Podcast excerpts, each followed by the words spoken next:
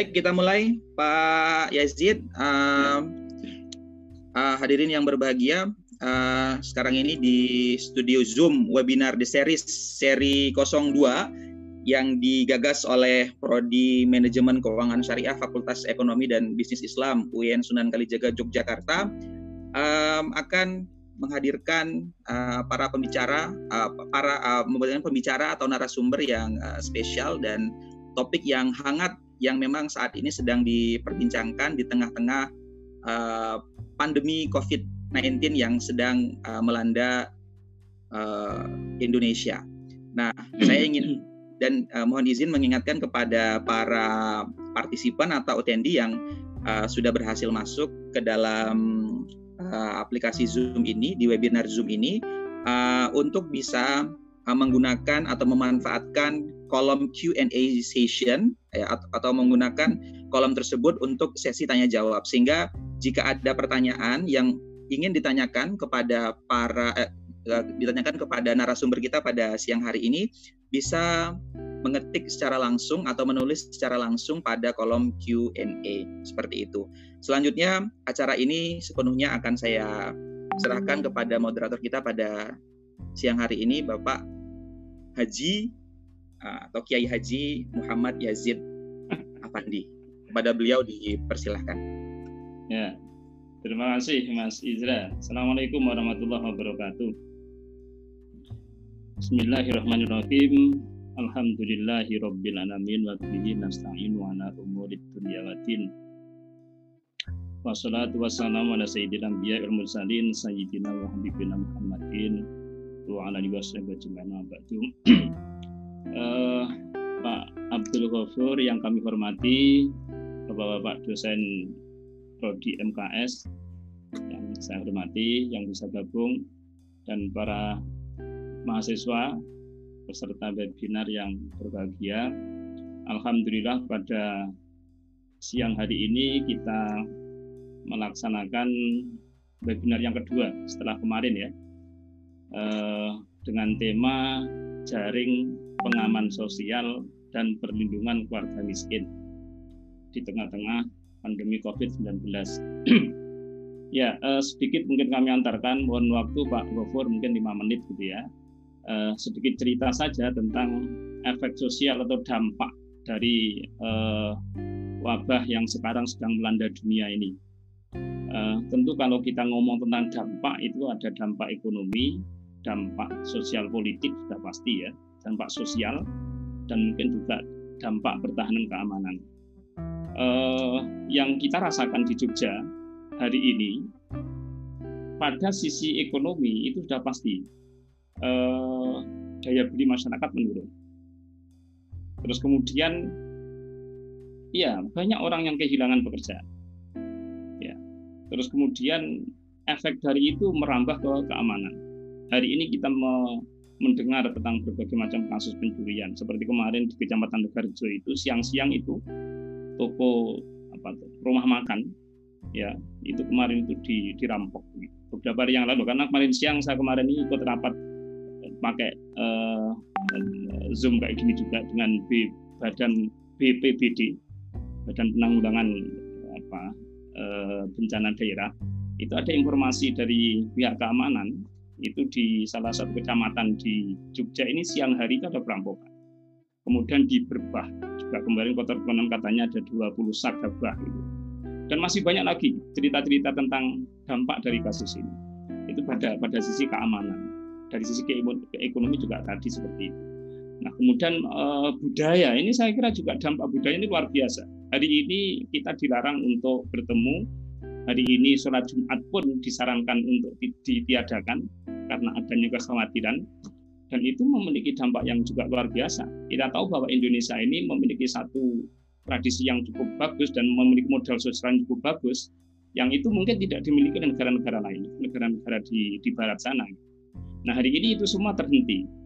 Di masyarakat sekarang setiap malam Jumat itu ada yasinan, ada tahlilan. Eh, hari ini harus berhenti. Nah ini sistem sosial seperti ini terganggu dengan adanya uh, eh, COVID-19 ini.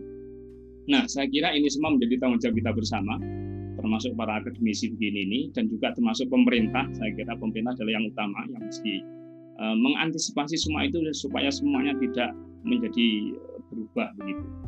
Nah, alhamdulillah pada kesempatan siang hari ini kita bisa mau diskusi tentang hal-hal seperti itu. Ini ada Pak Abdul Ghafur dari PP PPA apa Pak? PPA.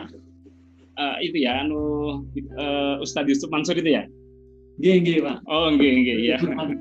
yang saya kira sangat kompeten untuk melakukan asistensi kemasyarakatan, ya terkait hmm. dengan asistensi apa ya tentang uh, bagaimana masyarakat mesti harus memiliki daya daya apa daya kekuatan ya, di tengah-tengah uh, gempuran sesuatu yang tidak menguntungkan gitu.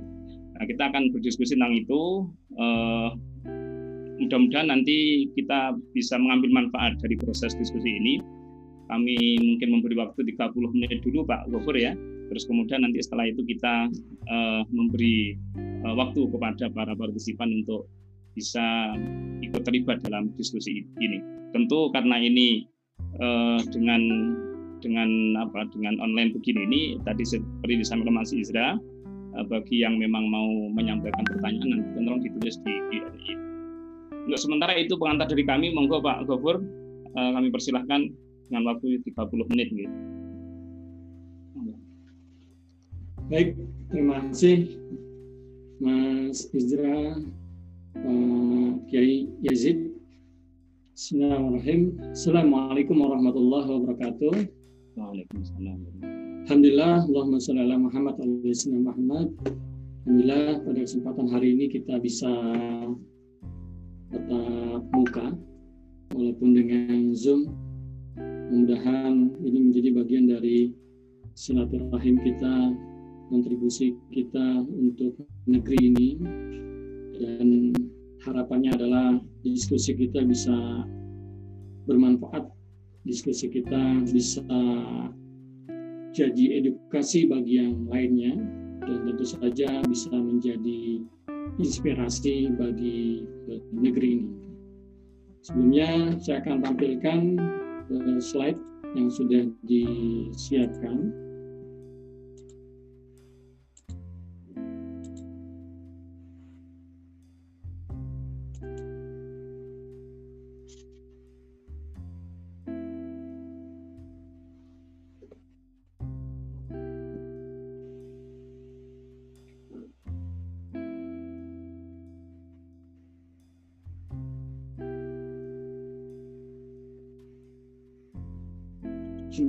Terlihat Pak Yazid? Ya, okay. Yang saya share, yang saya share sudah terlihat? Terlihat enggak? Baik, uh, sudah jelas ya. ya. Baik, uh, sebelum saya mulai beberapa hal yang kita akan bahas selama kurang lebih 30 menit ini mohon diingatkan Pak ya. Yazid ya. yang utama adalah sebagai bentuk bagian dari uh, safety prosedur kita buat teman-teman yang di Jogja pada kesempatan pagi hari tadi jam 9 lebih 10 terjadi erupsi di Gunung Merapi. Tentu saja erupsi ini tercatat kurang lebih 75 mili mm dan durasinya sampai dengan 103 detik. Mudah-mudahan ini menjadi bagian dari kewaspadaan kita dan juga pastinya masyarakat diimbau untuk tetap tenang dan jangan panik tingkat as, tingkat aktivitas waspadanya di level 2 jarak bahayanya dalam radius 3 km dari puncak sehingga jika terjadi hujan abu maka masyarakat agar mengantisipasi gangguan akibat abu vulkanik. Eh, peristiwa ini meletusnya Merapi atau erupsi maksudnya dan tentu saja juga banjir di beberapa titik di Jawa Barat kemarin banjir. Ini kita sebut multiple disaster. Jadi dengan kondisi wabah hari ini saat ini yang saat ini pun juga kita rasakan begitu banyak dampaknya. Seperti yang disebutkan Pak Yazid kita pun juga merasakan di sebagian tempat eh, bencana yang lainnya. Mudah-mudahan eh, Allah Subhanahu wa taala menjaga kita dari setiap wabah khususnya wabah virus corona ini dan juga dampaknya. Dan juga Allah menjaga kita semua bagi yang menyaksikan hari ini mendengar uh, dari bencana-bencana yang lainnya. Negeri plus 62 ini uh, secara fakta tentu saja penambahan kasus positifnya data terupdate 3292 nanti akan saya rinci detailkan di, di setiap slide-nya.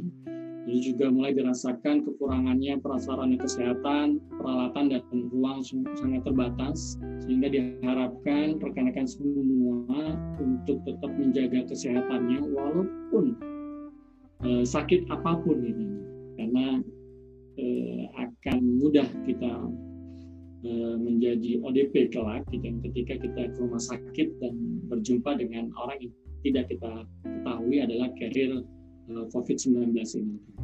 Dan rupiah juga kita lihat sungguh menyedihkan 16.250 ini eh, walaupun sempat turun dari angka 430 menjadi 250 tapi tentu saja ya, ini menjadi bagian dari ikhtiar kita bersama-sama untuk bisa eh, menguatkan. Beberapa jenis barang sudah naik kebutuhan tidak hanya sembako tapi sayur mayur dan lain sebagainya juga sudah meningkat. Eh, tidak bisa dikendalikan dengan harga HET harga eceran tertinggi. Dan juga kebijakan eh, WFH termasuk juga eh, kebijakan PSBB hari ini tentu saja memberikan dampak yang signifikan bagi para pekerja baik formal maupun yang informal. Kurang lebih ada 17.721 pekerja yang di PHK, ini data DKI, dan juga terdampak perusahaannya ada 15.721 dan total 76.613 pekerja dirumahkan. Sangat banyak pekerja yang formalnya juga sangat signifikan Begitupun juga di Jogja, PHK kurang lebih totalnya 14.529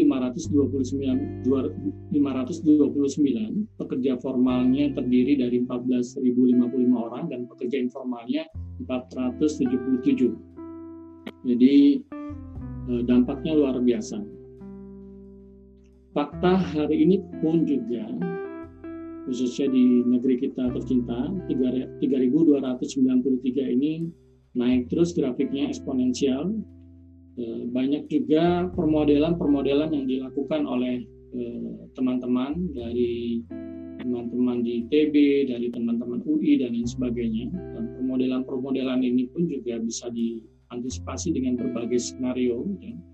Nah, permodelan ini cukup tinggi waktunya, durasinya, mulai ada yang tercepat yaitu bulan Mei sampai bahkan terlamanya di bulan September.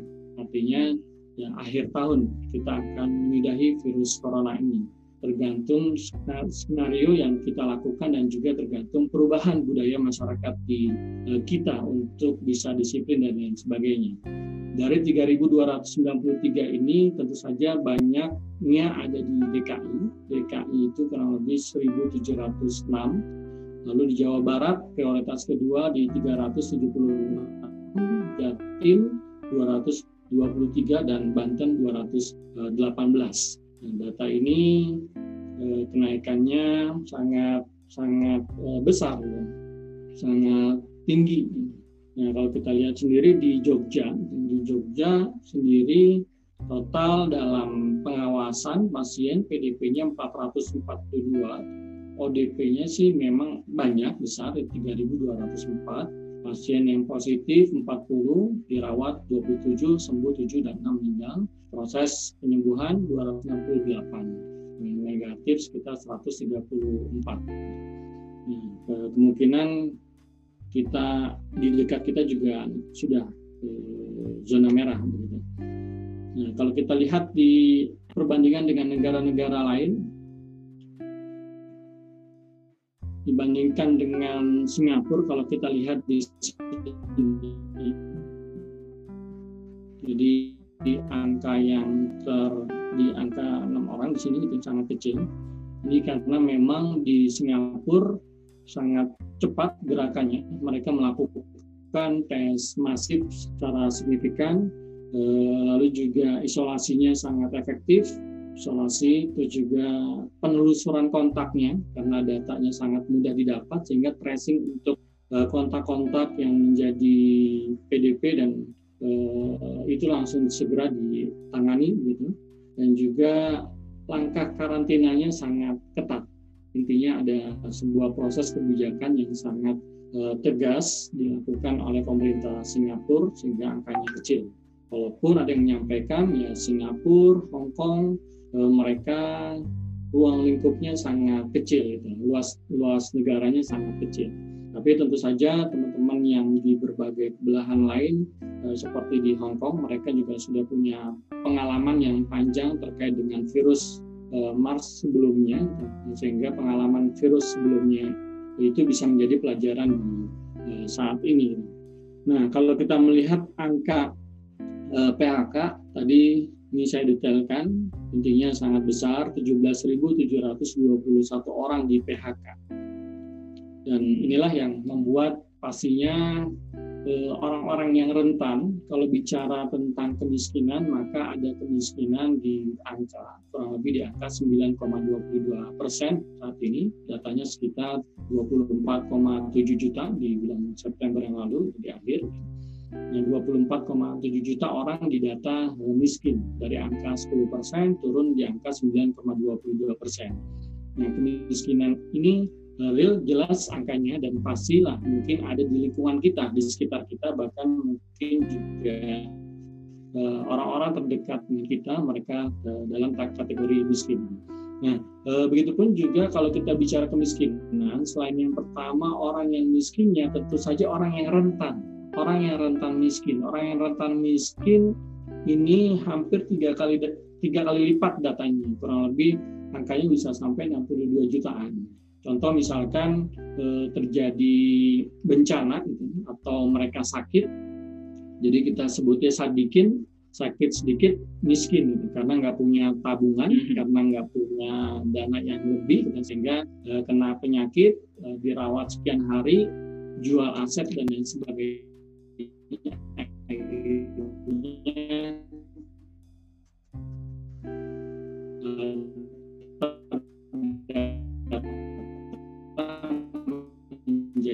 Miskin karena memang e, me, mengurangi angka kemiskinan ini e, visinya menjadikan muzaki ini dari mustahik menjadi muzaki ini e, dan juga menjaga yang rentan ini untuk bisa e, terus naik e, angka ekonominya gitu sehingga jangan sampai kita ngurusin yang miskin sedangkan yang rentan jadi miskin gitu. sehingga ini jadi jadi lingkaran setan yang terus menerus angka kemiskinan ini memang tidak uh, berubah-berubah gitu. Nah bicara tentang uh, apa namanya pengaman sosial maka kita tahu kurang lebih 405 triliun angka yang sudah di uh, belum yang direncanakan jadi direncanakan untuk dikeluarkan terbagi dari eh, empat hal. Yang pertama adalah bidang kesehatan 75 triliun, lalu untuk jaring pengaman sosialnya sendiri 110 triliun. 70,1 triliun ini insentif perpajakan dan stimulus kredit usaha rakyat dan 150 triliun pembiayaan program pemulihan ekonomi nasional ke depannya. Nah, eh, tentu saja ini pun juga harus kita kawal sebagai praktisi di lembaga filantropi, termasuk juga di akademisi dan lain sebagainya terkait dengan kemungkinan ya uh, aliran dananya, aliran dananya. Uh, harapannya adalah dana-dana yang digelontorkan ini benar-benar turun kepada mereka yang membutuhkan atau kita nyebutnya kalau zakat adalah asnaf atau ya orang-orang fakir miskin Eh, jangan sampai dana yang begini besar itu prosentasenya khawatir lebih besar kepada ke para pengusaha. Jadi mudah-mudahan aja eh, tentu saja saya yakin kalau ke pengusahanya, pengusahanya pun juga pengusaha yang soleh bisa eh, terus menyalurkan kelebihan dana yang didapatnya dan sebagainya atau dari keuntungannya. Nah, dari pengaman sosial 10, 110 triliun, 110 triliun ini dipakai untuk program-program yang memang sudah berjalan. Jadi eh, konsepnya ada dua hal, nambahin, nambahin angkanya. Yang pertama nambahin jumlahnya, yang kedua adalah nambahkan penerima manfaatnya. Nah, contoh di eh, PKK ini program keluarga harapan 10 juta keluarga penerima manfaat bantuannya dinaikin 25% dalam setahun termasuk juga kartu sembako dinaikkan dari 15,2 juta menjadi 20 juta penerima dengan manfaatnya sebesar 200 ribu selama 9 eh, bulan. Kartu prakerja, kartu prakerja ini dari 10 triliun menjadi 20 triliun agar mengcover kurang lebih 5,6 juta pekerja informal yang saat ini juga sedang terus didata, khususnya di Jakarta, dan terus didata eh, terkait dengan penerima kartu prakerja ini. Kurang lebih nanti akan mendapatkan manfaat selama empat bulan sebesar Rp200.000 per orang. Lalu biaya listrik PLN, insentif perumahan, dukungan logistik sembako. Inilah yang kita harapkan memang masyarakat kita semua mengedukasi mahasiswa, para dosen dan seluruh eh, kita yang mendengarkan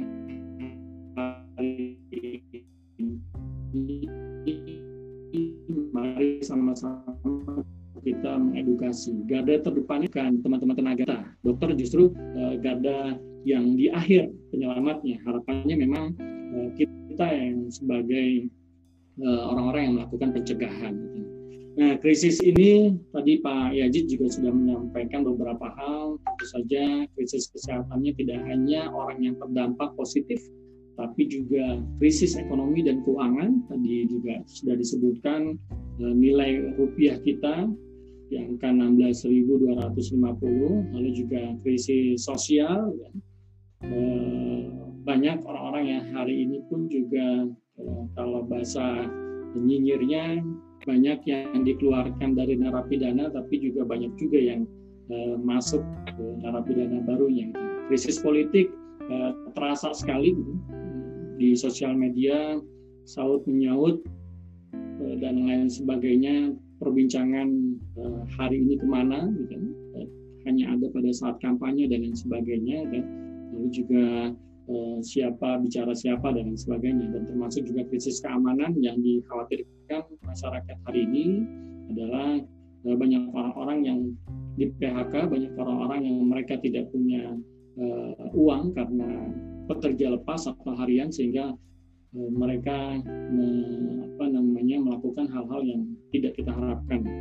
Sehingga jaring pengaman sosial ini yang dimaksud kita seluruhnya, kita semuanya adalah melakukan penyelamatan masyarakat, keluarga dan perorangan yang tentu saja sedang kesusahan gitu. dan inilah yang akan kita uh, lakukan sebuah proses untuk uh, semua orang melakukan jaring pengaman ini. Maka uh, bagi kita sahabat Rasul juga sudah mencontohkan, gitu. Rasul, Rasul pun juga tentu saja sudah mencontohkan setidaknya kita perhatian kepada 40 tetangga kita di kanan kiri ini juga sudah menjadi bagian dari uh, jaring pengaman sosial kita.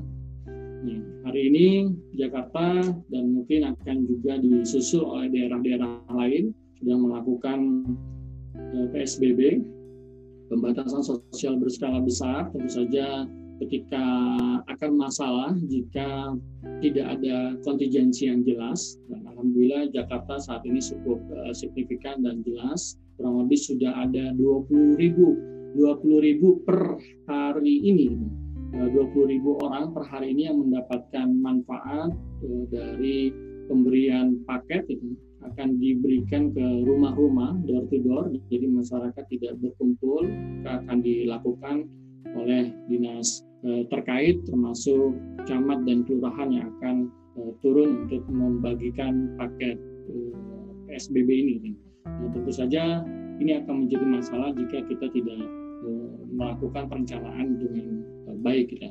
Nah, jadi dari uh, beberapa kasus yang saat ini terjadi, maka kerangka analisanya ketahanan mental spiritual ini perlu dijaga ini jangan sampai kita jagain yang kena positif kita nggak jagain yang lainnya ini juga akan terdampak karena kita tahu imunitas ini akan berpengaruh pada mental kita oleh karena itu saling memberikan dorongan positif, saling mendoakan, saling memberikan energi positif sehingga bisa membantu satu sama lain untuk menguatkan imunitasnya. Eh, produktivitas tentu saja ini kita harus mendorong berbagai produktivitas di semua sektor dan mengalihkan sektor yang terhenti ke sektor produksi yang lainnya dan sampai UMKM kita misalkan atau tetangga-tetangga kita yang bekerja yang biasanya mereka bekerja kasih ide, kasih gagasan untuk mereka bisa mengalihkan ke sektor yang saat ini bisa menjadi peluang dan kita harus membangun sistem ekonomi sosial kedaruratan yang memungkinkan berjalannya sistem sosial ekonomi dan juga tentu saja di bidang filantropi menguatkan berbagai sektor yang mendukung berjalannya filantropi untuk kelompok terdampak gitu. Tidak hanya dampak kesehatan positif tapi uh, dampak sosial dan juga dampak ekonomi dan lain sebagainya yang tadi kita uh, sudah uh, bahas gitu. Nah, ini menjadi penting ya, teman-teman di Basnas, teman-teman di FOS dan melakukan beberapa kajian eh, sosial ekonomi berbasis wilayah. Yang pertama adalah pembangunan kapital, penguatan berbagai sektor produksi yang harus dikuatkan, dan juga dari sisi sosialnya pemenuhan kebutuhan dasar. Ada yang menjalankan pemenuhan kebutuhan dasar, kebutuhan pendidikan, kebutuhan kesehatan. Saat ini mungkin menjadi PR baru bagi para ibu-ibu atau ayah yang mengajarkan anak-anaknya belajar di rumah gitu karena uh, kuota atau paket data pun juga sangat diperlukan saat ini untuk uh, mereka yang belajar. Tentu saja tidak semua bisa memberi paket kuota. Gitu.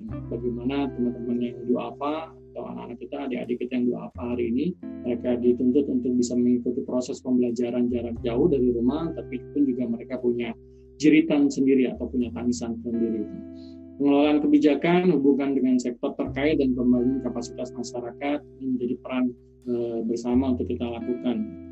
Nah, e, bicara tentang lembaga filantropi atau gerakan zakat hari ini, maka kita punya tiga fase: fase informasi, edukasi, kolaborasi ini. Sebagian dari kita mungkin melihat bahwa masyarakat kita kok hari ini e, biasa ya, mereka mereka apa namanya e, merasa mungkin tidak terlihat e, dampaknya e, atau masyarakat kita mereka berpikir bahwa ini adalah penyakit orang-orang menengah ke atas yang menggunakan AC misalnya e, atau mereka berpikir adalah yang terkena adalah orang-orang yang memang e, orang yang punya uang atau orang-orang kaya gitu. sehingga mereka asik dengan uh, pekerjaannya hari ini terus keluar dan sebagainya gitu. Walaupun dilematis gitu.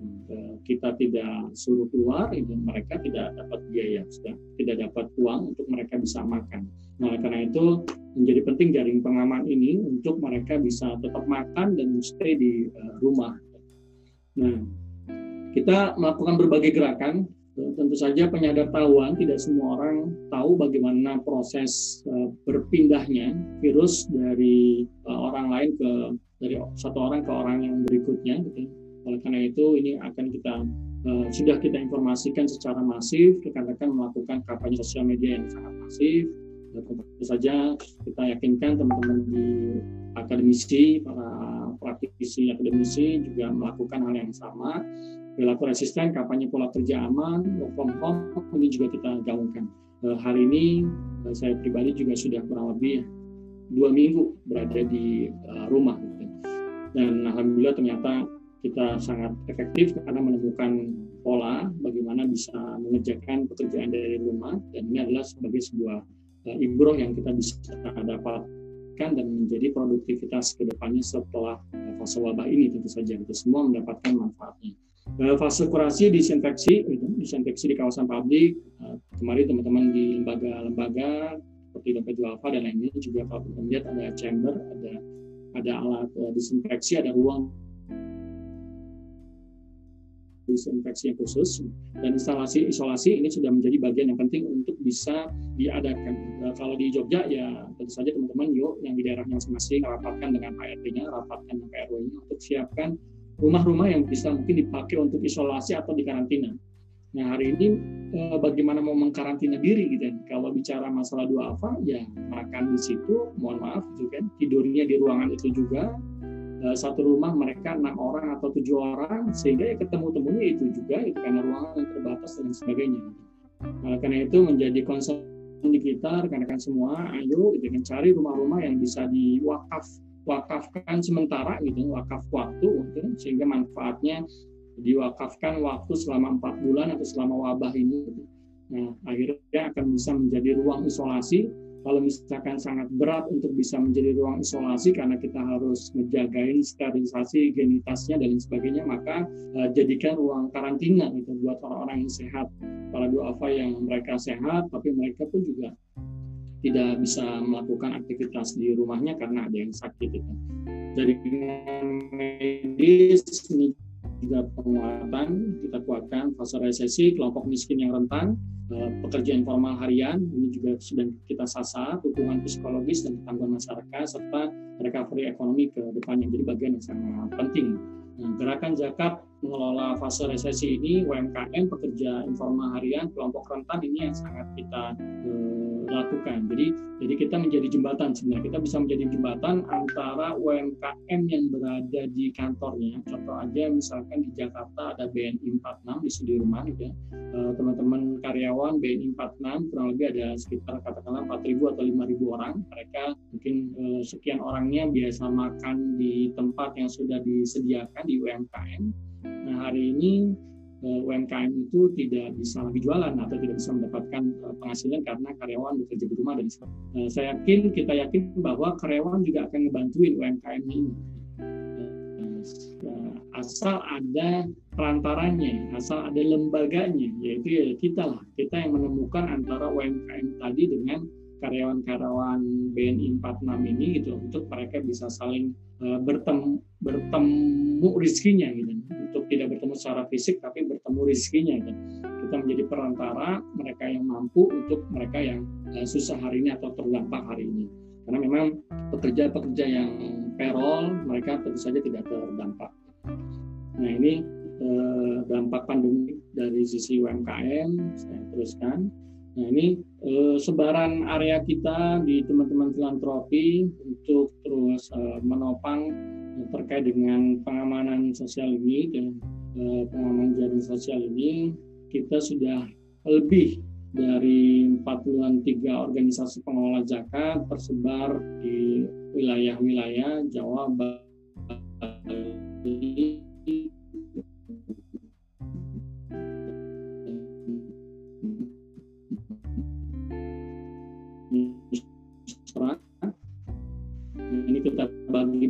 bagi-bagi dan jelas 11 program ini tidak hanya diperuntukkan bagi eh, orang-orang uh, yang memang tidak terkena dampak secara ekonomi yang tetapi ya pasti yang ketika mereka sakit gitu. mereka sakit mereka uh, kita larikan ke rumah sakit dengan ambulan ini dan uh, tentu saja sangat manfaat gitu.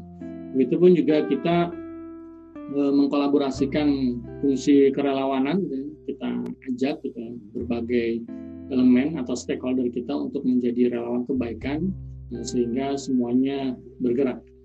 Nah, termasuk juga kita mengkolaborasikan terkait dengan uh, dampak mustahik yang di uh, sektor apa namanya pertanian. Jadi kita mempertemukan untuk kebutuhan berasnya yang memang saat ini masyarakat Eh, membutuhkan beras dan juga ada mustahik kita para petani-petani yang kita berdayakan pun juga sama.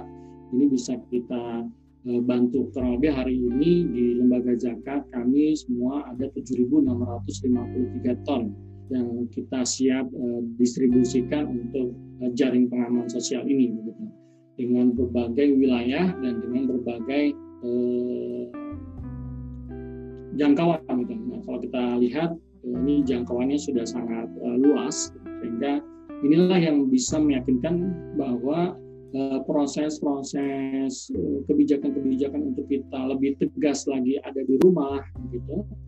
Dan yang kita saat ini dapatkan PSBB ini juga tentu saja bisa menjadi bagian dari yang harusnya sudah dilakukan semua uh, wilayah gitu. Dan uh, mudah-mudahan ini bisa dilakukan oleh semua wilayah sehingga angka yang kalau kita bandingkan tadi di Malaysia hanya 1,6 persen angka eh, kematiannya kita dibandingkan dengan kita ini pun juga bisa kita eh, lakukan jika kebijakannya tegas. Gitu.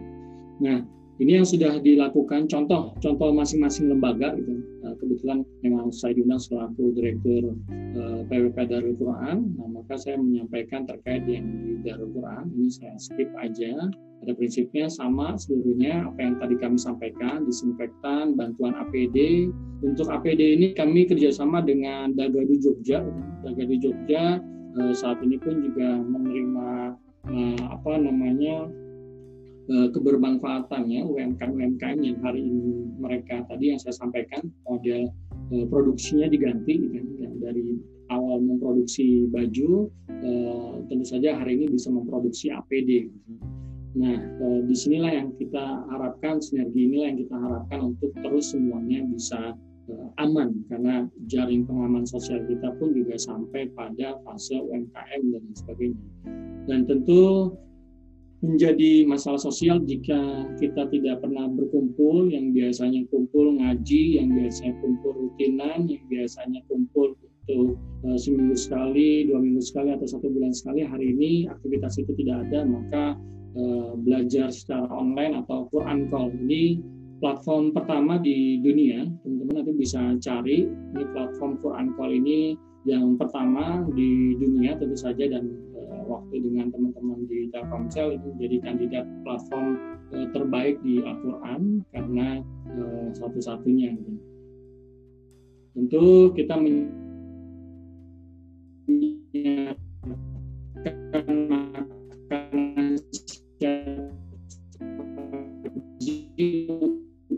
tenaga medis mereka terkurang makanannya agar mereka bisa terus fokus.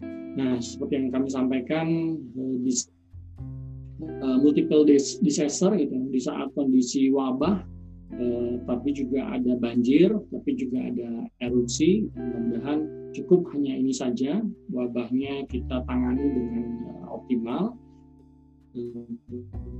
saja tidak ada bencana-bencana yang lainnya. Bantuan sembako menjadi yang sangat dibutuhkan karena bagi pekerja lepas, bagi pekerja harian, mereka dapat uang, lalu mereka belanjakan untuk mereka bisa makan. Nah, hari ini mereka tidak dapat uang karena kita semua di rumah, eh, sehingga mereka pun juga tidak bisa makan, gitu, karena uang yang mereka dapatkan harian untuk mereka bisa makan. Dan untuk membangun uh, kondisi mental, untuk membangun kondisi hati yang uh, positif, yang baik, maka uh, hari ini alhamdulillah seluruhnya banyak sekali rekan-rekan kita yang sudah melakukan doa bersama, muhasabah diri, uh, termasuk juga pengajian-kajian online hari ini menjadi uh, banyak, menjadi uh, besar juga untuk senantiasa menjaga uh, mental kita. Gitu. Uh, fogging DBD, rekan-rekan DBD masih angka juga yang sangat besar untuk uh, di Indonesia. Nah, lebih ada 100 korban meninggal. Nah, karena itu ini menjadi concern di kita dan sampai kita luput dengan adanya wabah ini, sedangkan DBD dilupakan. Tentu saja menjadi penting pemberdayaan ekonomi dan kita arahkan mereka untuk merubah model bisnisnya. Jangan rubah jangan rubah bisnisnya terlalu riskan. Tapi modelnya yang tadinya stay di rumah, gitu, bagaimana mereka dengan social distancing ini orang di rumah, e, mereka bisa ke rumah-rumah. Gitu. Nah, syukur ini jadi bagian dari ikhtiar yang memang ya harus dilakukan seperti ini. Terakhir, e, poin-poin rekomendasi untuk masyarakat, untuk kita semua. Pertama adalah masyarakat ekonomi menengah ke atas yuk sama-sama kita gerakan lingkungan kita, bentuk lingkaran kepedulian untuk kita bisa membangun ketangguhan dalam menghadapi situasi krisis, bentuk satgas setiap masing-masing RT atau RW, ya. lalu juga pastikan kita bisa membantu keluarga yang rentan di sekitar kita, misalkan mohon maaf, satpam, petugas kebersihan atau tetangga-tetangga kita butuhkan. Sekali lagi tidak panik buying, kan? tidak panik buying itu mereka belanja dengan kebutuhan yang besar. Gitu Lalu juga pastikan kita bisa menunaikan jiswa tidak hanya di bulan Ramadan, bahkan percepat zakat kita, percepat zakat kita, khususnya zakat harta, khususnya zakat harta yang biasanya kita nunggu haul di Ramadan begitu karena masuknya di Ramadan maka percepatlah mungkin bisa saat ini sebelum Ramadan juga sudah bisa ditunaikan. Begitupun juga seruan dari Kementerian Agama untuk mempercepat. Mudah-mudahan ini menjadi uh, amal jariah yang lebih banyak lagi gitu. dengan kita bisa mempercepat kondisi uh, mempercepat jiswa kita zakat kita sedekah kita di kondisi wabah ini gitu karena sedekah terbaik adalah pada saat wabah juga gitu. Nah, masyarakat dapat membentuk satgas, tapi di tingkat RW yang dapat mengedukasi warga, buat sistem keamanan serta sistem informasi kesehatan warga. Nah, dan sampai hari ini orang merasa malu untuk menyampaikan ketika dia terkena dampak gitu. Nah, sehingga eh, rasa malunya inilah yang menjadikan penyebaran ini begitu cepat. Gitu kalau mereka bisa kita bangun kondisinya, bisa kita edukasi eh, agar mereka tidak malu bicara jika mereka ada gejala-gejala, maka ini akan memudahkan lingkungan kita untuk tidak tersebar secara eh, cepat. Sistem keamanan, sistem informasi kesehatan juga dapat melakukan pengecekan kesehatan warga dan ekonomi warga di sekitar kita. Dengan social distancing yang kita lakukan dan memberikan informasi sosialisasi kepada warga terkait COVID karena tidak semua warga yang memahami dan eh, bahayanya COVID hari ini begitu. Bagaimana proses perpindahan virus dan penyebarannya yang begitu dahsyat itu. Membuat sanitizer sendiri bagi warga yang keluar rumah gitu kan, eh, dan juga edukasi bagaimana cara mencuci tangan yang benar.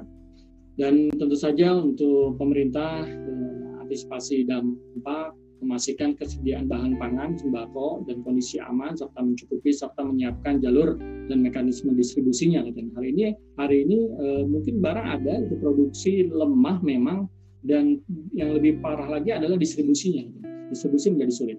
Menjaga stabilitas harga, terutama barang kebutuhan pokok, menyiapkan bantuan eh, BLT, eh, tentu saja melakukan pengantaran langsung ke rumah uang pensiun bagi para pensiunan dan juga ditambah nutrisi dan vitamin dan juga memberikan gaji ke-13 dipercepat itu gaji ke-13-nya atau THR-nya bagi bagi yang mendapatkan ini bisa dipercepat karena bisa menjadi stimulus fiskal dan meningkatkan belanja konsumsi dan memberikan keringanan pajak bagi sektor-sektor terdampak serta mempersiapkan insentif fiskal bagi industri padat karya dan juga memberikan insentif fiskal bagi industri dan sektor swasta yang menutup operasional kegiatannya atau yang memang ditutup apalagi eh, daerah-daerah yang sudah melakukan PSBB. Dan pendataan terima bantuan diharapkan bisa lebih maksimal dan bisa melakukan cek link ke tetangga sekitar atau tokoh agama dan tokoh masyarakat dengan online agar tepat sasaran dan tepat guna. Nah inilah yang akan kita terus uh, rajut, inilah yang akan terus kita orkestrasi, inilah yang akan kita terus kolaborasikan gitu. Uh, jangan sampai ada dana-dana yang memang sudah disediakan, tapi eh, masyarakat bingung bagaimana cara akses dana tersebut. Masyarakat tidak tersampaikan informasi itu dan lain sebagainya. Karena itu transparansi publik untuk bisa menyampaikan bagaimana cara mengakses dan kita pun masyarakat akademisi yang memahami dan mungkin ada masyarakat lingkungan kita yang tidak paham, kita yang coba mendaftarkan gitu. Kita menjadi relawan uh, pendaftaran bagi rekan-rekan kita atau bagi tetangga-tetangga kita yang memang nggak ngerti gitu. Apalagi hari ini pendaftarannya harus online. Nah, itu mungkin yang bisa saya sampaikan. Ya, mohon maaf waktunya agak uh, lebih, mudah ini bisa menjadi uh, sharing kita diskusi. Terima kasih Pak Gajit, ya, Mas Isra dan teman-teman semua. Oke, okay, terima kasih Pak Gofur. Eh, sesuatu yang sangat baik ini kami mohon ini nanti uh, dengan segala hormat uh, materinya bisa kami minta Pak Gubernur ya. Baik, baik. ini ini pemodelan uh, untuk asistensi masyarakat ini saya kira ini bisa bisa jadikan salah satu model ya. Baik, uh, jadi gini kalau mohon maaf tadi kayaknya saya sinyalnya tiba-tiba hilang sekian menit saya tidak bisa gabung itu. Tapi cara keseluruhan mungkin poinnya saya bisa uh, ada tiga poin saya kira ya. Yang pertama mungkin kami bisa sedikit apa, menyimpulkan ya bahwa data statistik menunjukkan memang uh, apa yang terjadi hari ini sangat mengkhawatirkan. Kemudian yang kedua pihak pemerintah tadi sudah mengucurkan dana sekitar 405 ya 405 triliun untuk mengatasi ya. uh, ini gitu apa namanya ini untuk mengatasi masalah uh, corona ini. Kemudian yang ketiga ini yang saya kira ini eh, baik sekali telah dilakukan oleh Pak Gofur dan teman-teman pengalaman menjadi relawan dengan memaksimalkan dana zakat. Jadi kekuatan zakat untuk memberikan asistensi ke masyarakat itu memang luar biasa gitu. Nah, ini contoh model yang saya kira patut untuk kita tiru nih. ya, eh, ini ada beberapa pertanyaan masuk Pak Gofur. Eh, yang pertama ini dari eh, siapa Hani Damayanti. Ini terkait sama apa yang pemerintah sudah putuskan gitu.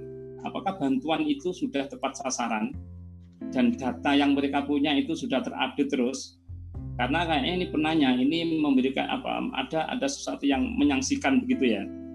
Eh, masih banyak orang-orang yang memang sebenarnya mereka butuh dibantu tapi pada kenyataannya mereka belum seperti belum belum tercover oleh pemerintah. Jadi ini sedikit ngerasani pemerintah saya kira ini.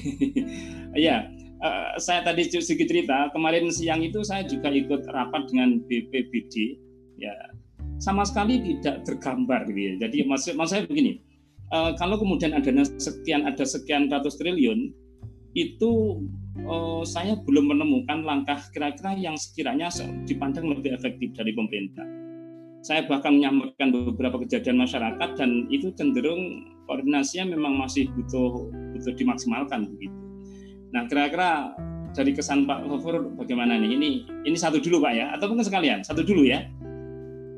Uh, bebas, boleh. Oke okay, oke. Okay. Oke, satu dulu ya. Nanti kita coba sampaikan ke beberapa yang berikutnya ini ya. Terkait dengan dua hal, bantuan yang tepat sasaran dan uh, datanya bagaimana? Ah, ya, gitu. Sebelumnya terima kasih Mbak Hani ya, Mbak Hani Damayanti ya. Terima kasih Mbak Hani Damayanti. bertanya. Ya. Hmm. Tentu saja betul yang menjadi bagian penting dalam melakukan program distribusinya adalah tepat sasaran dan tepat guna. Jadi eh, kami di lembaga filantropi khususnya lembaga Jiswaf yang menerima amanah dari para donatur proses bisnis kita menghimpun dana, mengajak masyarakat untuk berziswaf melalui lembaga kita, mencatat, melaporkan dan lain sebagainya. Lalu yang ketiga adalah melakukan pendistribusian, mendistribusikan dana yang diamanahkan Nah, tentu saja hmm. saat ini dalam sisi pendistribusian yang paling penting adalah bagaimana terdistribusikan dengan dua hal. Pertama tepat sasaran, yang kedua adalah tepat guna. Tepat sasaran kalau di teman-teman JISWAP itu tentu saja mereka asnaf kalau dananya dana zakat. Nah, pasti yeah. ini irisannya sama dengan dana yang didistribusikan oleh pemerintah hari ini adalah dana untuk uh, tidak hanya dua apa tapi dia yang terdampak tepat sasarannya dan, dan tentu saja juga bisa mengkawal tepat gunanya. Contoh tepat sasaran dan tepat guna itu. Tepat sasaran kita kasih mustahil kita kasih orang penerima manfaat beneficiaris beneficiaris mereka butuh untuk beli obat kita kasih 300 ribu untuk obat itu. Hmm. Nah ternyata eh, ketika sudah kita kasih kita yakinkan dia adalah mustahik tapi dia tidak memberikan obat melainkan dia makan ke salah satu restoran yang memang uh, dengan dia makan ngajak anaknya ke restoran itu jadi sembuh gitu. Ya, tapi kan jadi tidak tepat sasaran, jadi tepat, jadi tidak tepat guna gitu. Karena itu uh, kita buat program lain. Ketika ada yang datang ke lembaga kita, maka ketika dia minta butuh beli obat, kita punya rumah sakit kita punya apotek sendiri dan lain sebagainya. Jadi sesuai dengan kebutuhannya. Nah ini adalah tepat sasaran dan tepat guna. Ketika kita bicara apakah hari ini sudah tepat sasaran, datanya masih pakai data yang lama. Datanya masih pakai data yang lama dan data barunya masih penerima manfaat yang baru terus dilakukan. Menantangnya hari ini adalah dengan kondisi yang social distancing, dan social distancing ini hmm. uh, tidak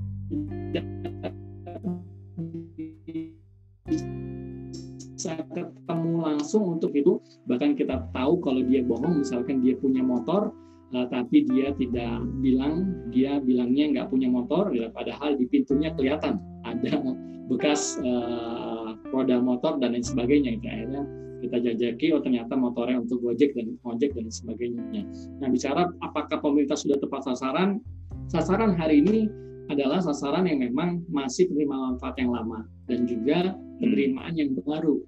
Nah, kalau yang kita rasakan dan saya sendiri rasakan mendaftarkan uh, warga masyarakat lingkungan saya termasuk juga beberapa tempat-tempat yang lain dan uh, kemarin kita sudah daftar gitu. tanggal 4 kita sudah daftar selesai katanya tanggal 7 akhirnya hari ini ada lagi pendaftaran tahap kedua untuk mengulang pendaftaran gitu.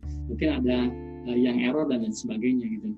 Nah uh, mudah-mudahan terus bisa memperbaiki bagus uh, secara apa namanya menjaring orang-orang yang dibutuhkannya gitu kalau di, kalau ditanya apakah bantuan pemerintah sudah tepat sasaran, tentu saja uh, mudah-mudahan sesungguhnya uh, sudah tepat sasaran. Walaupun yang saya rasakan hari ini sih uh, pendataan masih, masih kurang ya.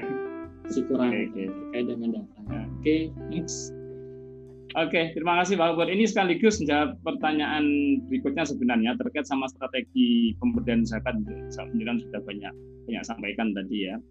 Uh, terus kemudian ada selanjutnya nih uh, ada pertanyaan dari Pak Pak Koyu mungkin ini ya. Thanks Bang Gofur, keren sekali materinya. Mau tanya, kira-kira seberapa besar kapasitas zakat lembaga ZIS untuk menyediakan jaring pengaman kepada masyarakat terdampak? Serta bagaimana pola sinergi dibangun dengan pemerintah? Uh, ini mungkin tambahan aja mungkin dari Pak Gopur tadi ya sedikit sudah anu ya strategi uh, pendayagunaan zakat tadi sudah disampaikan. Saya kira ini kemudian bagaimana kemudian pola sinergi yang mesti dibangun dengan pemerintah. Itu saya kira untuk anu dulu ya ini masih, masih. atau sekalian aja Pak Gopur ini ini aja juga ini boleh um, oh ini ada pertanyaan yang sama saya kira dan, uh, bagaimana integrasi POS dan pemerintah? Oke. okay. Kemudian selanjutnya ya peran mahasiswa Nah, peran mahasiswa kira pada si pada si pada aspek apa? Ini mungkin ada sarankah dari dari jenengan gitu. Terus kemudian jika kita berdonasi ke lembaga zakat mana yang lebih ditekankan antara program pengadaan APD atau program bantuan masyarakat terdampak? Itu saya kira beberapa monggo di di yang direspon. Oke, baik terima kasih Pak Yaji, terima kasih para penanya eh, termasuk juga Kaim, terus juga ada beberapa Mbak Dia ya. Mbak Dia ya, betul Mbak Dia ya. Azmi juga kan ya. Nah, ya. terima kasih sudah menanyakan ya. tentu saja menarik pertanyaan-pertanyaannya pertama kapasitas lembaga zakat ya, ya. kalau bicara kapasitas maka tentu bicara potensi hari ini potensinya besar sekali teman-teman ya. di UIN potensinya kurang lebih menyampaikan 19,9 triliun Ya, itu sudah masa lalu. 2018 kemarin ya, ya. itu potensinya dan memang dan memang ya ya bisa dikejar itu bisa dapat hal itu gitu tapi hari ini kan kita untuk pendataan dan lain sebagainya uh, masih sulit Pak Yazid itu orang-orang yang memberikan secara langsung gitu kan orang-orang yang memberikannya uh, mereka maunya datang ke rumahnya gitu dan lain sebagainya itu juga banyak sehingga itulah yang nggak terdata yang terdata di teman-teman lembaga zakat kurang lebih angkanya satu tahun di angka 8 triliun. Nah, maka masih jauh dari potensinya. Oleh karena itu, eh, mari yuk bantuin eh, rekan-rekan Juswaf yang hari ini kalau teman-teman BPKH dan teman-teman kementerian lain menyampaikan saat ini lembaga yang sangat dipercaya untuk turun ke lapangan dan berdekatan dengan baik adalah lembaga zakat. Alhamdulillah ini menjadi bagian dari uh, pendorong untuk kita terus uh, berkarya. Nah, eh, kapasitas hari ini untuk di COVID-nya, ya kita terus menggalang dana, menghimpun dana. Ya. Kalau ditanya secara nasional, ya angkanya 8 triliun tadi, tapi tentu saja 8 triliun itu tidak secara keseluruhan diberikan untuk uh, ke COVID ini, karena uh, kemarin pun juga masih banyak teman-teman uh, hati-hati dengan salah pemaparan tentang asnaf, gitu, salah pengertian tentang asnaf. Gitu ada yang menyampaikan bahwa kenapa lembaga zakat hari ini uh, turun ke wabah COVID-19 gitu.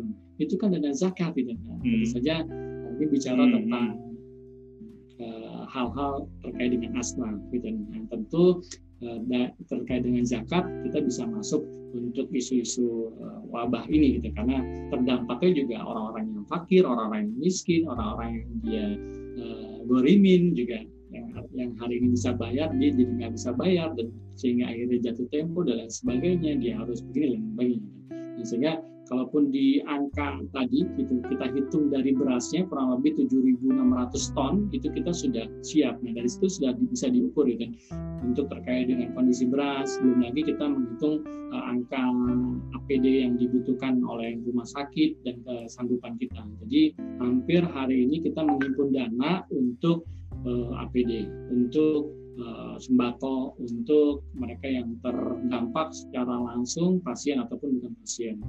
Nah untuk terkait dengan sinergi yang dibangun pemerintah, gitu, ya, beberapa penanya juga tadi menyampaikan hal yang sama. Gitu.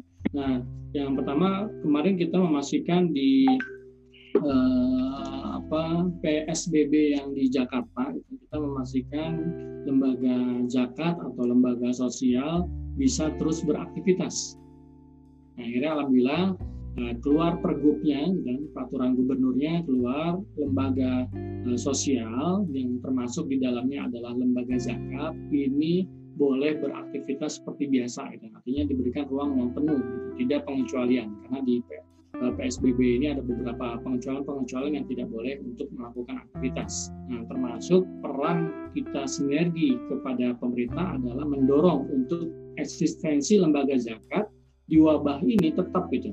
Nah, alhamdulillah eh, di dalam peraturannya pun juga sudah ada menyatakan bahwa lembaga sosial adalah lembaga yang terus bisa bergerak begitu. Nah, ini menjadi bagian dari sinergi yang kita eh, lakukan. Lalu juga sinergi dengan rekan-rekan BNPB yang menjadi eh, penanggung jawab COVID hari ini dan juga dengan teman-teman di ikatan dokter gitu kan. Uh, Begitupun juga dengan rumah sakit-rumah sakit, baik rumah sakit daerah ataupun rumah sakit swasta dan lain sebagainya kita melakukan fungsi-fungsi untuk uh, pendistribusian agar tidak ke satu titik. Jadi ada koordinasinya. Hari ini kita punya forum khusus, ya, teman-teman zakat hari ini ada namanya forum zakat. Ini yang sudah sangat bagus dipimpin hmm. oleh Pak Herman untuk melakukan koordinasi-koordinasi uh, terkait dengan bagaimana kita bersinergi dengan pemerintah.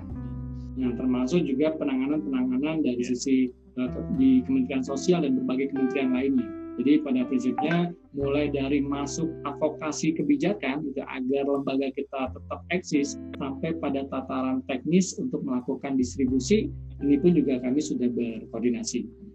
Dan yang eh, lain jika kita berdonasi ke lembaga zakat mana yang lebih ditekankan? Apakah APD ataukah program bantuan masyarakat terdampak?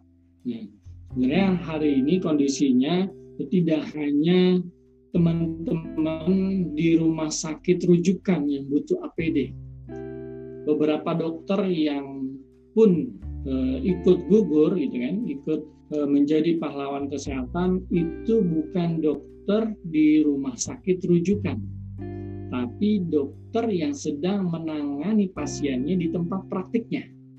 Nah, karena apa? Karena ternyata pasien itu uh, carrier, gitu. pasien itu positif. Gitu. Akhirnya dokter ini kena juga. Nah, maka uh, sedih sekali ketika ada beberapa dokter yang mereka sampai saat ini takdirnya dipanggil Allah Subhanahu wa taala karena memang terkena dampak Covid karena tidak menggunakan APD. Nah, ini juga penting gitu ya. Nah, begitupun juga uh, untuk program bantuan yang terdampak ekonomi sembako juga penting. Nah, jadi makanya uh, jawabannya adalah kalau misalkan kita ada lebih atau ada punya tabungan lebih selain kita mengamankan untuk kondisi cash flow kita ke depannya, ya tentu saja tambahin aja dana sedekahnya, tambahin ada aja dana uh, zakatnya gitu. Jadi daripada bingung milih, gitu, kan, bingung milih mana yang ditekankan APD ataupun uh, program bantuan masyarakat, ya uh, tentu saja bisa menambahkan dan sedekahnya. Tapi kalaupun memang terbatas, nah insya Allah APD ini akan lebih uh, bisa membantu, gitu, karena hari ini APD masih sangat dibutuhkan, baik tingkat puskesmas sampai ke tingkat rumah sakit uh, rujukan. Gitu. Karena itu bantuin APD kalau memang dananya memang segitu terbatas APD saja terlebih dahulu karena ini menyangkut nyawa seseorang. Kalau misalkan bantuan masyarakat terdampak kayak sembako eh, kita juga bisa teman-teman kita bisa uh, buat bagaimana kita bisa apa namanya puasa Senin Kamis atau tambahin puasa Daudnya atau di bulan Syaban perbanyak, perbanyak ya. puasa buat sudah nah itu untuk menahan itu. Iya, itu nah, iya. peran uh, peran mahasiswa tentu saja sebagai uh, konsep dasar yang kita ketahui mahasiswa adalah agent of change gitu, uh, perubah gitu. Nah, hari ini banyak sekali orang-orang yang sudah mengambil peran untuk dia bisa uh, membantu gitu, membantu uh, agar wabah ini tidak tidak cepat penyebarannya dan agar ini bisa terselesaikan.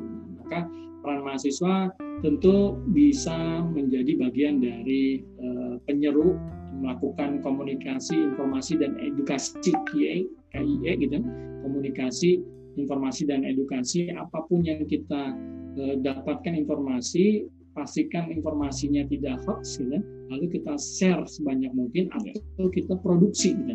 Kita produksi informasi-informasi yang sangat penting yang menyesuaikan dengan lingkungan kita berada Nah, kadang-kadang yang yang kita, yang kita terima share uh, komunikasinya mungkin tidak sesuai dengan lingkungan kita. Artinya terlalu uh, tidak dimengerti oleh masyarakat lingkungan sekitar kita. Uh, buatlah dengan bahasa-bahasa dagadu mungkin buatlah dengan bahasa-bahasa di uh, daerah masing-masing ini menjadi bagian yang uh, pun juga bisa menjadi kontribusi. Yang kedua, uh, selain mengkomunikasikan, menginformasikan dan mengedukasi Nah, mahasiswa bisa menjadi bagian dari uh, relawan lingkungan, relawan lingkungan yang mendorong apakah di daerah kos-kosannya begitu ataukah di uh, rumah domisilinya itu bisa mendorong untuk terbentuknya uh, satgas satuan petugas COVID yang memang tingkat RT atau tingkat RW gitu.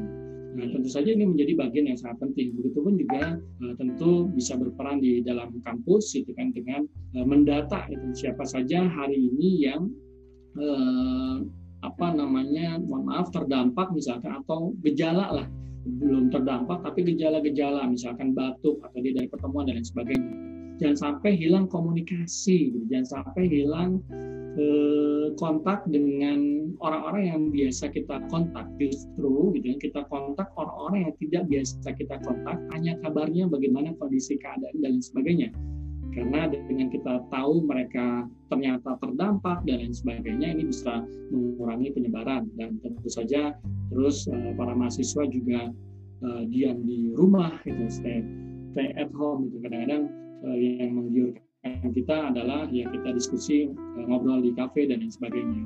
Nah ini yang bisa menjadi bagian dari kontribusi mahasiswa, terus perbanyak tulisan-tulisan yang baiknya, terus perbanyak uh, vlognya, videonya dan lain sebagainya untuk bisa mengedukasi masyarakat dan terus dorong support para tenaga medis gitu, dengan okay. uh, kita bisa menjadi relawan yang dibutuhkan dan lain sebagainya. Oke. Okay. Oke, okay, baik Pak Gubernur, terima kasih. Ini mungkin satu sesi lagi ya, atau satu satu segmen untuk, untuk beberapa pertanyaan berikutnya ini, uh, yang langsung menjawab ke saya nih. uh, tadi pagi Presiden menyampaikan berita akan membantu 600 ribu per kakak tapi Polri juga menganggarkan 600 ribu per driver. Maka di situ ada kemungkinan uh, satu akan memperoleh double bantuan. Nah, kira-kira uh, Pak Gofur bagaimana yang dengan dengar kira gitu atau pendapat jenengan bagaimana? Yang kedua, yang kedua ini terkait sama apa tadi dan apa lembaga filantropi saya menyebutnya begitu ya. Uh, memang betul bahwa salah satu keunggulan masyarakat Indonesia itu uh, banyak yang apa merencanakan atau banyak yang membentuk lembaga-lembaga filantropi. Eh, pertanyaannya, adakah semacam konsorsium supaya penanganan dampak ini bisa lebih terkoordinasi dengan baik? Jadi kalau ini urusan zakat, adakah konsorsium antar lembaga zakat untuk fokus menangani dampak COVID-19 ini dalam jangka waktu pendek maupun menengah, kira gitu. Uh, itu dua dua pertanyaan itu Pak Gubernur. Monggo. Baik, uh, terima kasih uh, Yazid dan terima kasih para penanya. Yang pertama terkait dengan double bantuan. Yeah. Ya. Uh, double bantuan tentu uh, harus kita apa namanya perhatikan, gitu. tapi uh, tidak tepat sasaran menjadi hal yang sangat uh, urgent lagi. Jadi prioritasnya itu yang penting jangan sampai nggak tepat sasaran. Gitu kalaupun double bantuan tapi memang sasarannya tepat ya mau bagaimana lagi gitu. Karena kita belum single data gitu kan karena pun juga pendataannya pasti masih lemah dan lain sebagainya. Pasti tidak bisa dipungkiri itu akan ada double bantuan.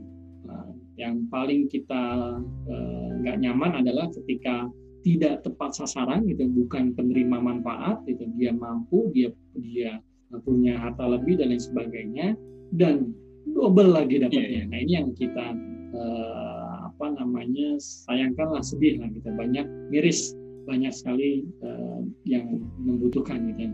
Nah uh, memang tidak bisa dipungkiri kita gitu, akan terjadi double double bantuan. Uh, kami pun juga di lembaga-lembaga zakat mempunyai pola koordinasi dan tentu kalau teman-teman tahu hari ini tidak sedikit mohon maaf orang-orang yang memang memilih mata pencariannya dengan membuat proposal dan mengajak orang-orang untuk ke lembaga-lembaga gitu. Satu orang mungkin bisa diarahkan ke dua atau tiga lembaga ya. Mereka dapat nggak? Dapat gitu.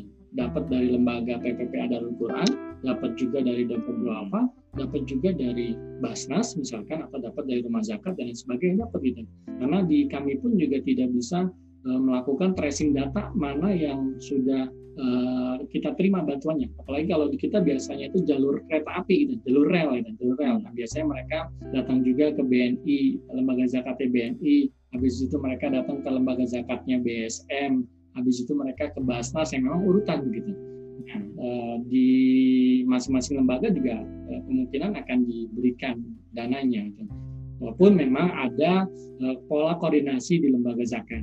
Nah, kita saling kontak-kontakan yang memang sudah kita petakan datanya, gitu kan, di mana yang yang sering minta bantuan secara langsung. Karena uh, asnaf ini atau orang miskin ini ada dua.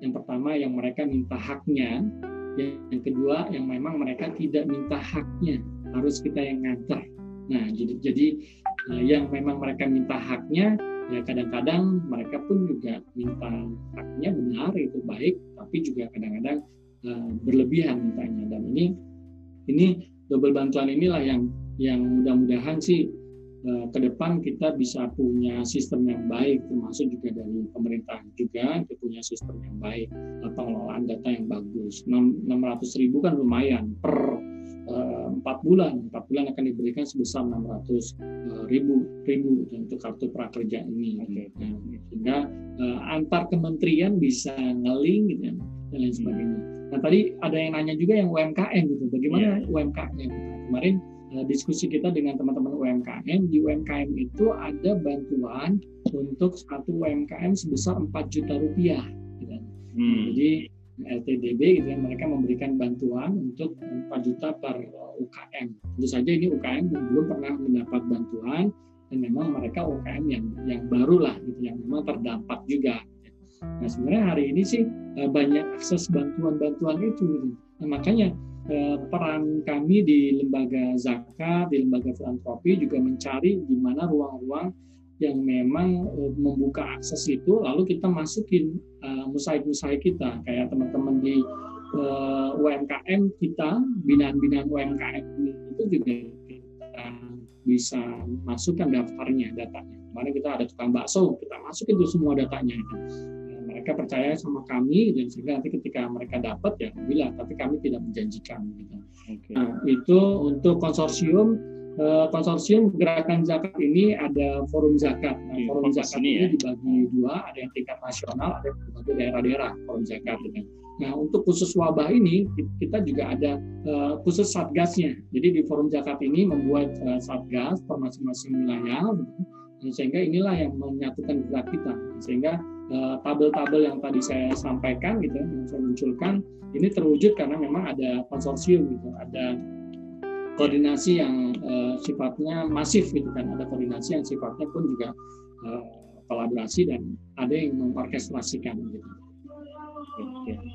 Gitu. Terima kasih Pak Gofur ya. Ini uh, waktunya karena waktu sudah ini ya sudah habis. Uh, mungkin sebelum kita cukupkan sampai di sini mungkin sedikit kami apa bukan menyimpulkan tapi memberikan apa semacam uh, apa nih ya oratoretan lah kira-kira gitu ya uh, tentu para partisipan bisa apa bisa menyimpulkan sendiri gitu. Cuman uh, sebagai closing statement saya bahwa uh, meskipun pandemi COVID ini sangat mengkhawatirkan dengan angka-angka seperti Pak Gopur di awal tadi jelaskan, tetapi sebenarnya masyarakat Indonesia itu memiliki apa, modal sosial yang luar biasa. Di samping juga uh, kemampuan untuk menarik sisi religiositas mereka untuk bisa melakukan gerak-gerak asistensi isu-isu kemanusiaan. Nah, zakat adalah salah satu instrumen untuk bisa mengatasi itu dan ternyata memiliki kekuatan yang luar biasa untuk ikut terlibat itu. Bahwa kemudian mau dikoordinasikan dengan lembaga filantropi yang lain, saya kira itu memang uh, perlu dimaksimalkan. Yun uh, ngapunten Pak Gubernur, uh, kami sebenarnya juga di saya aktif di Nahdlatul Ulama uh, di kota oh. Jakarta. Kami juga membentuk ya. itu, tetapi memang belum terhubungkan, belum terkoneksikan dengan FOS ini. Kami punya Lasisnu. Nah, Lasisnu ini memang masih gerak sendiri dan uh, mungkin nanti akan mau cari saya cari informasi tentang uh, FOS di Jogja, saya kira gitu barangkali nanti bisa kita konekkan dan kita bisa lebih apa lebih bareng-bareng begitu. Karena memang faktanya di lapangan luar biasa, banyak kelompok-kelompok masyarakat yang melakukan ini dan ini sebenarnya modal untuk bisa segera kita bisa uh, segera bangkit dengan uh, atau bisa tidak begitu berdampak negatif dari adanya uh, pandemi COVID-19 ini. Saya kira itu uh, terima kasih banyak kepada Pak Abdul Wabur yang telah menyisihkan waktunya menyisihkan tenaganya dan memberikan ilmunya pada kita sekalian. Ini saya kira satu materi yang cukup bagus. Betapa sebenarnya ada pemodelan filantropi Islam yang bisa digunakan untuk mengatasi problem-problem sosial. Dan uh, sekali lagi kami sangat berharap uh, materi yang Pak Gubernur sampaikan nanti bisa kami minta ya. Saya kira itu. Terima kasih dan mohon maaf atas segala kekurangan dan kekilafan. Terima kasih banyak kepada para partisipan yang uh, ikut menyimak jalannya diskusi ini. Kalau ada beberapa pertanyaan yang belum terjawab, tentu kami juga mohon maaf. Saya kira itu. Terima kasih. Uh, mari kita akhiri dengan hamdalah. Alhamdulillah. Alhamdulillah. Waktu kami kembalikan ke Mas Izra. Monggo. Baik, Pak Kiai Yazid. Uh, terima kasih Pak Abdul Ghafur selaku Direktur PPPA Darul Quran. Kami ucapkan terima kasih. Saya selaku host ini terakhir ingin uh, memberikan sedikit apa ya semacam uh, kenang-kenangan ya berupa e certificate ya walaupun mungkin ini hanya uh, simbolis tapi ini merupakan perhatian dari kami ya selaku inisiator dan apa uh, dan desainer dari acara ini. Nah, ini juga uh, ada support dari pimpinan di Fakultas Ekonomi dan kemudian uh, disupport juga oleh uh, Pak Kaprodi dan beberapa kolega baik di level fakultas maupun di level prodi. Mudah-mudahan acara ini terus bisa berjalan ya bertahan ya sambil memberikan uh, tentunya meningkatkan tadi seperti yang disampaikan Pak Abdul Ghafur meningkatkan edukasi dan literasi sehingga uh, mahasiswa yang mungkin uh, rebahan tapi juga bisa membelikan perubahan seperti itu. Karena memang uh, banyak rebahan kan Pak? Tapi mungkin uh, dengan materi hari ini mereka tidak hanya rebahan tapi rebahan sambil mungkin berdonasi seperti itu untuk mensupport lembaga-lembaga filantropi Islam yang tadi sudah dipaparkan baik dari Pak Kaprodi sendiri maupun oleh uh, pemateri Bapak Abdul Ghafur. Baik, mungkin itu terima kasih Bapak uh, untuk yang lain-lain mungkin nanti akan kita koordinasikan begitu Pak Kaprodi nggih. Ya, Uh, dan nanti juga akan ada Pak Abdul Koyum nanti yang akan bisa menjadi mediator untuk uh, apa namanya uh, korespondensi lebih lanjut. Terima kasih begitu Pak Abdul ya. Gofur kepada para partisipan. Gimana Pak? Baik kepada para partisipan. Ya, terima kasih banyak Pak. Uh, sebelum saya akhiri selaku host pada kesempatan kali ini, saya izin mengingatkan untuk para partisipan bahwa kita akan melaksanakan webinar The Series seri 03 yang insya Allah akan dilaksanakan pada Senin ya 13 April 2020 pada pukul 15.00 waktu Indonesia bagian Barat. Uh, pembicaranya uh, luar biasa Kepala Riset Ekonomi dan Keuangan Islam International Institute of Advanced Islamic Studies ya IAIS Malaysia. Yaitu beliau M. Mahbubi Ali PhD ya dan ada acara ini akan langsung dinahkodai oleh uh, ibu kita, Ibu Sekprodi ya bagi para alumni mungkin yang rindu dengan Ibu Sekprodi nanti kita mengikuti kegiatan ini ya pada pukul 15.00. Insya Allah uh, akan kita uh, tayangkan juga melalui Zoom webinar dan bagi yang belum berkesempatan untuk masuk berinteraksi dengan para uh, narasumber dan moderator nanti bisa menikmati sajian webinar seri 03 dan seri-seri berikutnya dengan live streaming via YouTube seperti itu. Baik.